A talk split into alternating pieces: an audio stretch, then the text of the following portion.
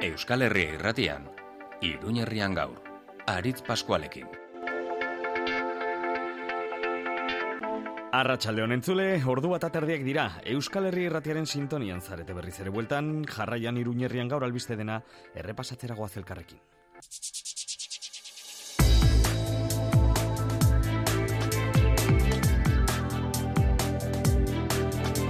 Hauek dira nire printzipioak ez bazaizkizue gustatzen beste batzuk ditut. Hainbestetan erabilitako eta entzundako groucho, groucho martzen esaldi famatua, agian sarasate pasealekuan e, egoitzako atean izkilarriz izkiriatu beharko luke PSNek. Pasaden otxailaren hogeita zortzian, Saharar herriaren aldeko adirazpena onartu zuen Nafarroko parlamentuak hau batez, alderdi guztiek guztiek bozkatu zuten alde. Gaur adirazpen berbera planteatu da, itzezit. Otsailaren hogeita zortzean duela hilabete bat baino gutxiago adiostu zen adirazpen berbera berrestea planteatu da. Ez da aurreratera. PSNek kontra bozkatu du. Orain, Madrildik jarrera aldaketa agindu dietelako Marokoren aldeko jarrera hartu baitu orain Espainiako gobernuak Saharar herriaren kontra. Nafarroa beti izan da herri Saharaguiarekin elkartasuna dirazi duen lurralde nagusienetariko bat. Transversala da jarrera iaia alderdi guztiak biltzen dituena. Elkartasun keinuak etengabeko dira, zenba ezinak plataformak, herri zerriko material biltze taldeak, aurren harrera ekimenak, karabanak, Nafarroko parlamentuak talde bat du, alderdi guztietako partaideekin Saharar afera landu eta presioa ere egiteko. Bitxia, talde parlamentario horren presidentzia PSNeko kide bat du une honetan. Hauek dira nire printzipioak, baina ferrazek kontrako abadio beste batzuk ditut. Parlamentuan gaur ditutakoak errepasatuko ditugu hemen Euskal Herri irratian, baina ez da iruñerrian gaur izan dugun albiste bakarra gehiago ditugun oski. Arrazakeria eta xenofobiaren kontrako eguna dugu gaur. Azken urtean berreuntala eurogeita bi salaketa bildu ditu Nafarroko sos arrazakeriak taldeak. Kezkatuta daude, arrazakeria instituzionala haundia delako. Salatu dituzte, sarekada, zitazio trampak, traba, karrakalak, adituko dugu esandakoa. Prezioak mantendu lanpostuak babestu lelopean UGTek eta Komisiones Obrera sindikatuek protestara dei egin dute asteazken honetarako. Kezkatuta daude bizi dugun energia eta erregaien krisialdiarekin langilerian izanen dituen ondorioengatik gaur haiekin solastu gara hemen Euskal Herri Irratian. Bada hain zuzen gazteak ere egoerarekin kesu direlako kalera irten ziren asteburuan GKSek deituta krisialdi hau sistemikoa dela salatu eta horregatik irtenbideak ezin direla bain behinekoak edo partxeak izan azaldu zuten sarasate pasealekuan amaitu zen protesta bat. Elkarretaratzea ere egin zuen asteburuan EH Bildu Katarrabian epaitegiek Euskal Herriko armariaren kontra hartu duten erabakia salatzeko. Ofentsiba bat salatu du alderdiak eta datorren hilabetekoa berrigunean Euskal Herri burujabe eta demokratikoa aldarrikatzera dei egin zuen. Gaur astelena da, kirol tarte zabala ere eginen dugu osasunaren bitaldeek garaipen garrantzitsuak lortu bai zituzten asteburuan eta Asier Martinez atletak laugarren postuan sailkatu zen Belgradon egiten ari diren munduko txapelketetan. Badauek dira, astelen goizon ekutzi dizkigun albiste nagusienak, edukietan sartuko gara berehala, aldez aurretik eguraldiari ere erreparatuko diogu. Egun aizetsua gaurkoan hodeiak zeruan nagusi, baina momentu zeuririk ez utzi digutenak. Gaur esan bezala bizea da protagonista, iruro mar kilometro orduko aize boladak ditugu eta somatzen ari da. Kasu, izan ere arratsaldean euri zaparradaren bat ere, izan dezakegula esaten digute iragarpen ekuda berrian sartzen ari gara eta temperaturetan somatzen da haizea dabilen arren gorunzko joera hartzen hasi dira eta aste honetan minimoak amar gradutik goiti biliko dira desegon kortasuna aste hasiera honetan eguzkia ikusiko dugu aste azkenean eta odeiak berri itzuliko dira aste bukaerara bidean jartzen garelari joango gara zehazten datozen egunotan orain zerua estalita eta haizea zakar iruñerrian amalau gradu markatzen ditu Euskal Herri Erratiko gure termometroa orduak. Ordu bat eta hogeita amabos minutu dira, Igor Eskudero otamendi teknikan gidari dugula asteragoaz. Iruñerrian gaur.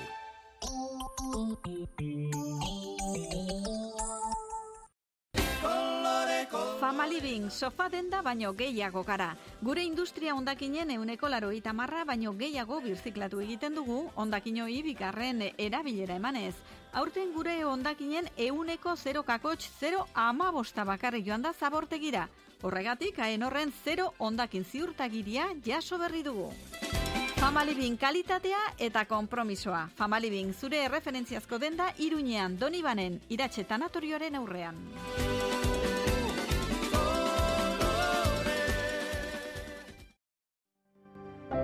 Gero eta gertuago gaude rural kutxan. Garrantzitsua da elkarrekin azten eta aurrera egiten jarraitzea. Amets egiteari ez usteko, betikoak izaten jarraitzen dugu. Horregatik, gertu egotea gustatzen zaigu. Beti.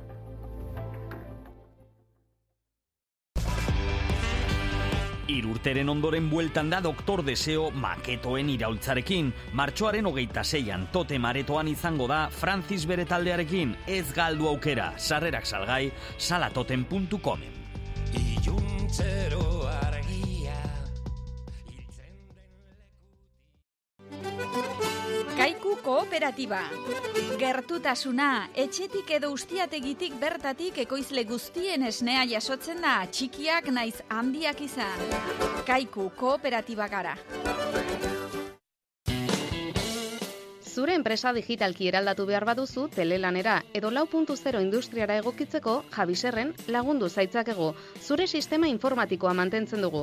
Neurrira egindako aplikazioak eta web horriak garatzen ditugu. Lantaldeak prestatzen ditugu ikate tresnak eta aplikazioak erabiltzeko. Jabiser, bederatzi lau zortzi, zortzi bost zero, bat lau bost. Zehaztu dezagun nola lagundu zaitzakegun.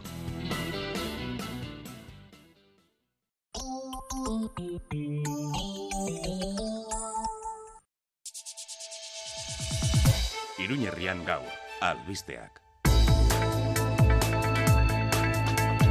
Arratxaldeko ordubiak izateko hogeita iru minutu falta direnean Euskal Herri irratian gertuko albisten kontakizuna egiten hasiko gara, egunero ordu honetan egiten dugun bezala. Pandemia pasa dela ematen du eta orain, erregai eta energiaren prezioek eragindako krisialdia da, gure kezka arrazoirik handiena. Batez ere, erregaiekin zuzen zuzenean lan egiten duten sektoreak hasi dira mugitzen eta kexatzen garraiolari zenbaitek greba biatu zuten pasaden astean, berriz ere izua zabaldu egin zen eta lehen gaiak faltako zirela ere zabaldu eta edatu zen eh, jendartean naiz eta gaur iruñeko merkatu eta merka iruñan bertaniaia normaltasunez ari diren eh, lanean. Alan eta guztiz ere, krisialdi sakona etor daitekela aurre ikusten da eta honetan ere bai mobilizatzeko deia egiten eh, hasi dira, ere bai mobilizazioetarako deia egiten hasi dira sindikatuak. E, zuzen, asteazken honetan energiaren prezioak, baina baita ere lanpostuen eh, defentsan aterako dira kalera UGT eta Komisiones Obreras sindikatuak. Haiekin solasteko aukera izan dugu,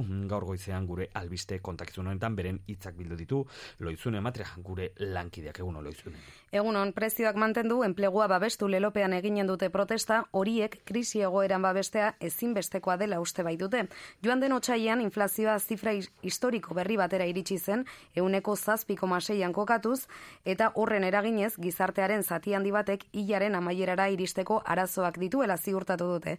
Prezioaren igoera orokor horrek, herritar raulenei ere, zailtasun handiak jartzen dizkiela gaineratu digu, Joseba Erzeolaza, Komisiones Obreraseko kideak aldarrikapenak zeintzuk diren laburtu dizkigu.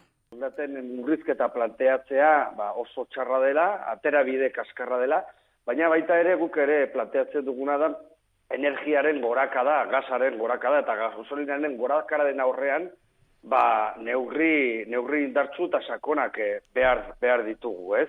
E, bestetik eta hirugarrenik ere planteatzen dugu, eta gainera gure Nafarro oso garrantzitsua dau, ba, transizio ekologikoak bizkortu egin behar dugula, ez?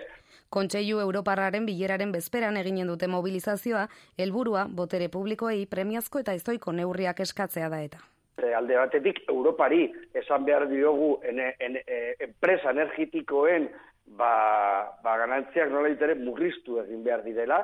Bestetik, e, gobernu Espainiarri ere e, hau bera eskatu egin behar diogu eta eta enpresariei esan behar diegu orain e, murrizketak e, planteatzea, murrizketa sozialak planteatzea, baina baita ere soldaten murrizketak planteatzea oso oso e, e, larria dela Eta bestetik, eh, Nafarrako gobernuari ere eskatu egin behar diegu erten komplementuak eta politika sozialak eh, sendotzea eta eta indartzea. Protesta UGT, Komisiones Obreras, Fakua eta Autonomoen hainbat elkarte kantolatu dute, asteazkenean izanen da arratsaldeko zazpietan, merinda desen. Eta gazteak ere kesu dira eta kezkatuta egoerarekin. Eta kalera irten ziren asteburuan gazte kontsilu sozialistak manifestazioak egin zituen, ego euskal herriko hiriburu guztietan eta iruñeko sarasate pasealekuan amaitu zen protestan gogoratu zuten moduan, egungo krisialdia ez da kojunturala, ez da Ukrainako gerra edo pandemiak eraginda baizik eta sistemaren krisialdi estruktural baten aurrean gaude. Imanol Kainamares, GKS-ko bozera malea da.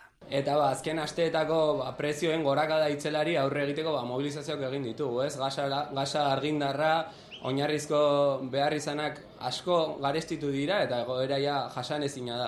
Baina, kojunturala izatetik urun, ba, salatzen ari garen bezala, azkeneko hilabete eta urteetako ofentsiba ekonomiko hau, ba, sakonagoa da, krisi testu inguru global baten aurrean gaudez, eta zentzorretan plantatzen dugu, ba, e, aldarrikapenak aratago joan behar dutela, Eta egoera honen aurrean erantzuna ere ezin da kojunturala edo behin behinekoa izan ezin dira partxeak onartu eta beste irtenbide bat eman barzaio krisialdiari.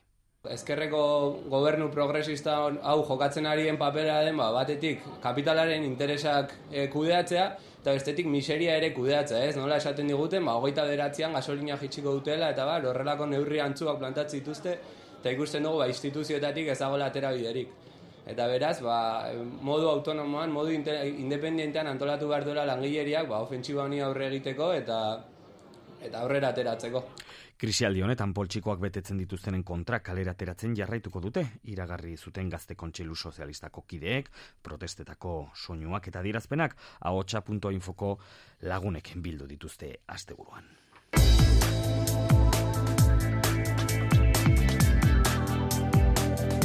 Asteburuko albistea ere izan da, Espainiako gobernuak Marokorekiko eta Saharar herriarekiko izan duen eh, jarrera aldaketa eta hemen Nafarroara gaurre ailegatu dena. Badakizue, Nafarroa izan dela, herri Saharaguiaren kin elkartasuna dirazi duen lurralde nagusinetariko bat, Nafarroko parlamentuak berak talde propio bat du gaia lantzeko bada gaur jarrera aldaketa hau eztabaidagai izan da eta aipatu dugun moduan PSN-eren jarrera aldaketa eta PSN-eren aurpegia berriz ere agerian geratu da luizune.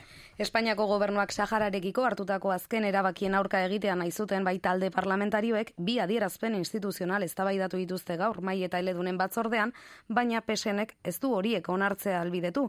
Lehenengo aldia da beraz parlamentuak ez duela Sahararen alde egiten. Geroa baiko usue barkosek kezka agertu du gertatutakoarekin aurrekaririk gabeko jarrera aldaketa dela uste baitu.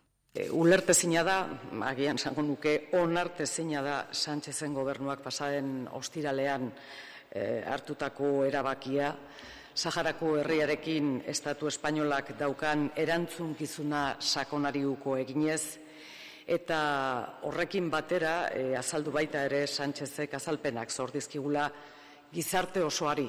Barkosek osoko bilkurara eramanen du gaia eta Nafarroako presidenteari Maria Txibiteri galdera bat eginen dio gai honi buruz. Arridura sartu du erabakia EH Bilduk nazioarteko zuzenbidearen ikuspegitik Marokoko planak Saharrarentzat irtenbiderik ez dakarrela adierazi du Adolfo Raizek. Arriduraz hartu benuen berria eta bueno, ba, Frente Polisariak berak ere e, aurreko gunetan e, gogorazi e, zuen bezala ba, gogorazi zuen hain zuzen ere, Espainiako gobernuak Marokoko autonomia planari ematen dion laguntzak ez duela aldatzen naziarteko zuzenbidearen ikuspegitik Mendebaldeko Sahara lurralde ez autonomoa dela oraindik eta horretarako deskolonizazio prozesua osatu beharko dela.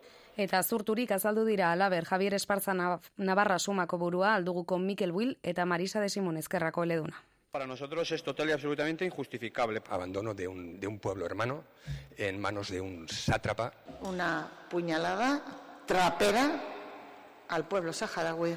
Parlamentuan orain arte erakutsitako adustasuna apurtu da gaur adierazpen instituzional horiek aurrera ez aterata azkena otxaiaren hogeita zortzian eztabaidatu zuten eta orduan pesenek alde bozkatu zuen herriaren alde. Jarrera aldaketa azaltzen saiatu da gaur Ramon Alzorri sozialista, Espainiako presidente Pedro Sánchezek egindakoa justifikatu du Espainiarrak eta Sahararrak aurrez aurre jarriz. Necesitamos buscar vías de solución tanto para el pueblo saharaui como para el pueblo español.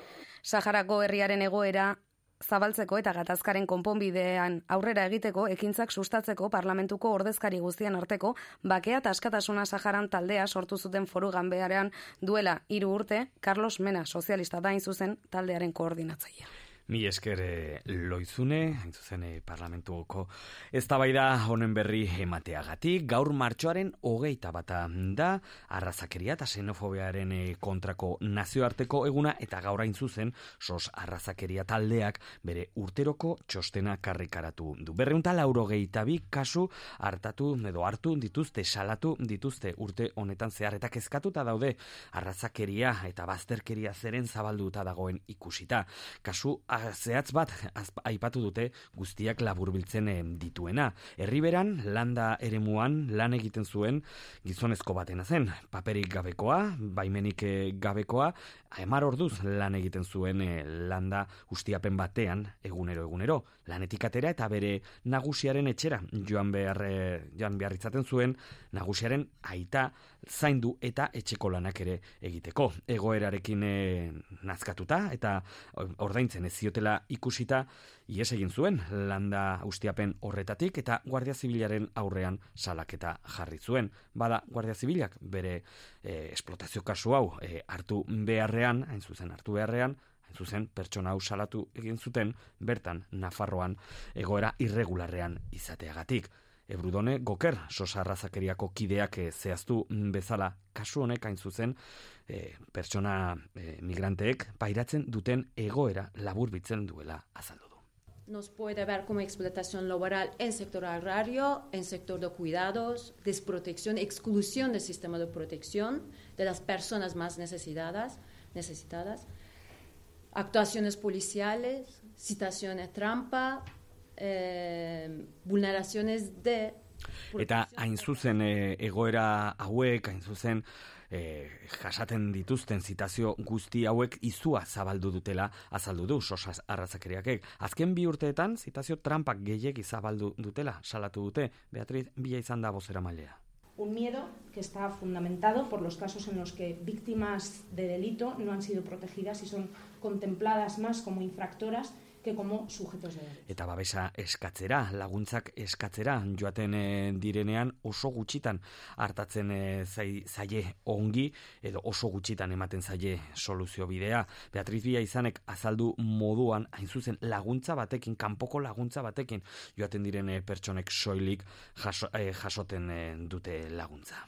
En una desconfianza y en una mayor vulnerabilidad observamos que en muchas ocasiones las situaciones se resuelven o se aclaran cuando la persona va acompañada, lo cual resulta inaceptable.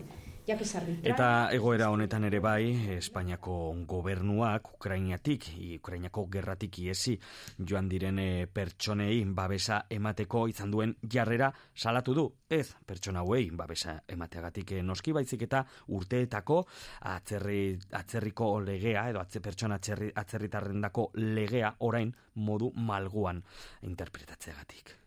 Mientras, las fronteras europeas siguen externalizadas, y siguen configurándose como espacios de no derecho y de muerte. Mientras miles de personas siguen sujetas a una norma como la de extranjería que condena su vida y las de sus familias a la clandestinidad. Esan bezala arratzakeria eta xenofobiaren nazioarteko eguna ospatzen da gaur eta hain zuzen sosa arratzakeriak ere bai bere hogeita margarren urte hurrena. Ospatzen du aste honetan horresegatik bi arrezatze baterako mai ingurua eginen eh, dute katakraken eh, hain zuzen hogeita mar urte hauetako lana lana aipatuz, baita ere, datorren martxoaren hogeita iruan, hasta azkenean enpadronamentuaren eh, inguruko kezkak eta zalantzak argituko dituzte beste hitzaldi batean, eta martxoaren hogeita seian, hau da, larun bat honetan, manifestaziora dei egin dute arrazakeriaren eh, kontra iruñeko merindade plazatik e, abiatuta. Guazen bestelako gaiak orain e, jorratzera eta guazen orain e, asteburuan izanako beste protesta baten berri ere bai ematera. Badakizue, hauz, e, administraziorako, e, Nafarroko epaitegiak, atarrabiako udala behartu egin duela atarrabiako frontoian pilotalekuan marrazuta dagoen Euskal Herriko armarria borratzera. Bada hain zuzen, hori salatzeko, EH Bilduk, Elkarretaratzea egin zuen eh, larun batean. Euskal kulturaren kontrako ofentsiba, Euskara eta Euskal ikurren kontrako neurriak salatu zituen horrela indar soberanistak bakartxorriz parlamentariak salatu moduan, ofentsiba honetan hainbat aktore daude implikatuta. Euskararen kontra, Euskal kulturaren kontra eta oroar Euskal kutsua daukan edo zerren kontra ari dira sektore politiko eta judizial jakin batzuk. Horren aurrean, gaurkoan, atarrabitik eh, esan nahi diegu, bai atarrabian eta bai Nafarroa osoan, simbol horiek. Euskal nortasuna geure sentitzen dugun milaka garela Nafarrak eta Atarrabiarra. Eta Euskal Herriaren kontrako ofentsiba honetan egun eztabaidan diren bi gai aipatu zituen ere bai eh, parlamentariak bizikidetzarako plana, Nafarroko parlamentuan bertan lantzen ari dena eta foru hobekuntzaren garren urte hurrena. Galdetu egiten dugu, ian olako bizikidetza eraiki daitekeen ukazioaren bidez, inposizioaren bidez, simboloak ukatuz eta zapalduz. Orain dela berrogei urte, eliteek hartu zuten erabakia, Nafar jendarteari inposatu ziotena inolako erreferentze, erreferendumik egiteko aukerarik eman gabe, eta azken batean, eta neurri haundi batean, Nafarroa gainontzeko Euskal Lurraldeetatik aldentzeko hartu zen erabaki hori. Horregatik, Bakartxo Ruizek erantzun demokratikoa ematera dei egin zuen, apililaren amazazpian EH Bildu kiruñan antolatu duen aberri egunean Euskal Herri burujabe bat eraikitzera eta aldarrekatzera dei egin zuen. Arna sartuko dugu iritziaren eh, tartea adituz, gaur garat gazteluk egin digu zutabea. Gorritxo, sistemas de descansoren eskutik, plaza. Gorritxo, sistemas de descanso, benetako aldiaren plazerra. Amaika ikusteko jaioak gara. Ikusteko eta entzuteko. Bereziki, iruñeko alkateak mikrofonoak hartzen dituenean. Aurreko astean, hiriburutza kartaren inguruko prentxaurrekoa egin zuen. Toki administraziorako finantzaketa sistema berriaren balorazio orokor bat egin ordez, alkateak hiriburutza kartaren aitzakia baliatu zuen Nafarroako gobernuaren aurka jotzeko. Baita EH Bilduren aurka jotzeko ere. Maia alkatearen ustez, finantzaketa sistema berriaren atzean eta bereziki hiriburutza kartaren indargabetzearen atzean EH Bilduren eta Euskal Abertzaletasunaren plan bat dago. Iruñea ahultzea, Bilbo, Donostia edo Gasteizekin alderatuta. Era honetan, Nafarroa ahulduko litzateke eta Euskal Herria independentearen proiektua aurrera eramatea erraztuko luke. Beraz, maiaren esanetan, Iruñeari hiriburutza kartakentzea Euskal Herriko hiriburu bihurtzeko bidean pausu bat ematea da.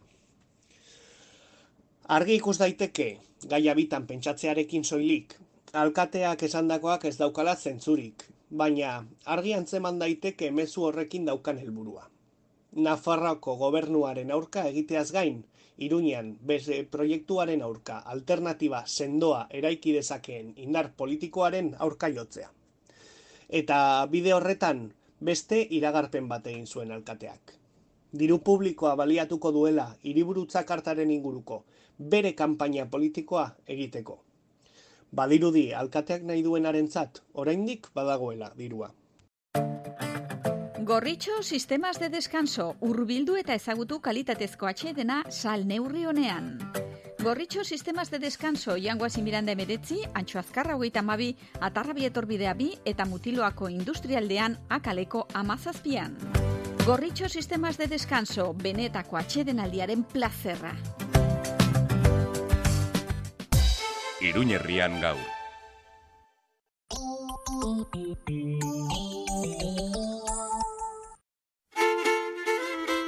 Optika Joaquin Alforja.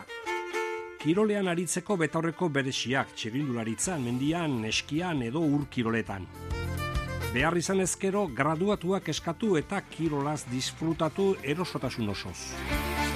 Optika Joaquin Alforja, iruñeko udal plaza bat, begizbegiko zerbitzua.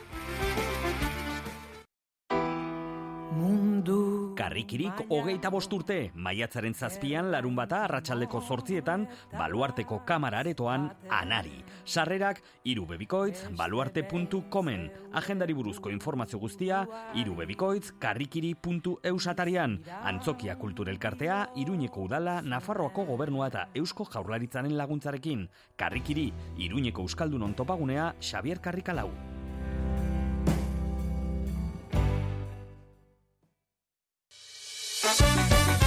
Biatz, rokodromoa, maia guztietako erronkekin ornituriko bulder instalazio zabalak, kirol eskaladan aritzeko lekua, zailtasun ezberdineko bide eta makurdura aldakorrekin.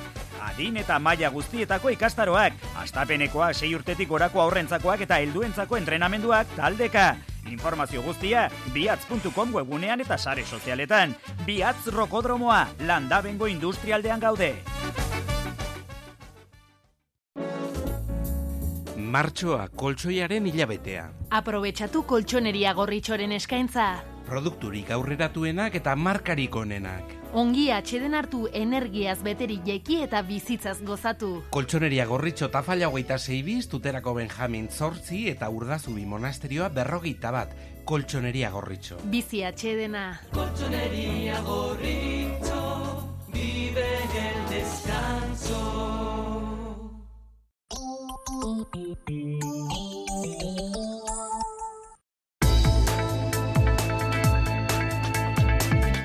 Euskal Herri erratiaren eh, albiste kontakizuna entzuten ari zara, astelena izanik kirol tarte zabala abiatuko dugu edo zabalduko dugu jarraian eta asteko eta behin e, futbolari begiratuko diogu. Gizonezkoen osasunak e, larun batean, garaipen garrantzitsua lortu zuen e, levanteren kontra hemen e, sadarren bertan iru eta bateko garaipena lortuz eta dagoeneko hain zuzen lehendabiziko mailan geratzeko puntu nahikoak izanen dituela ematen du. Juan Cruz Lakosta, egunon.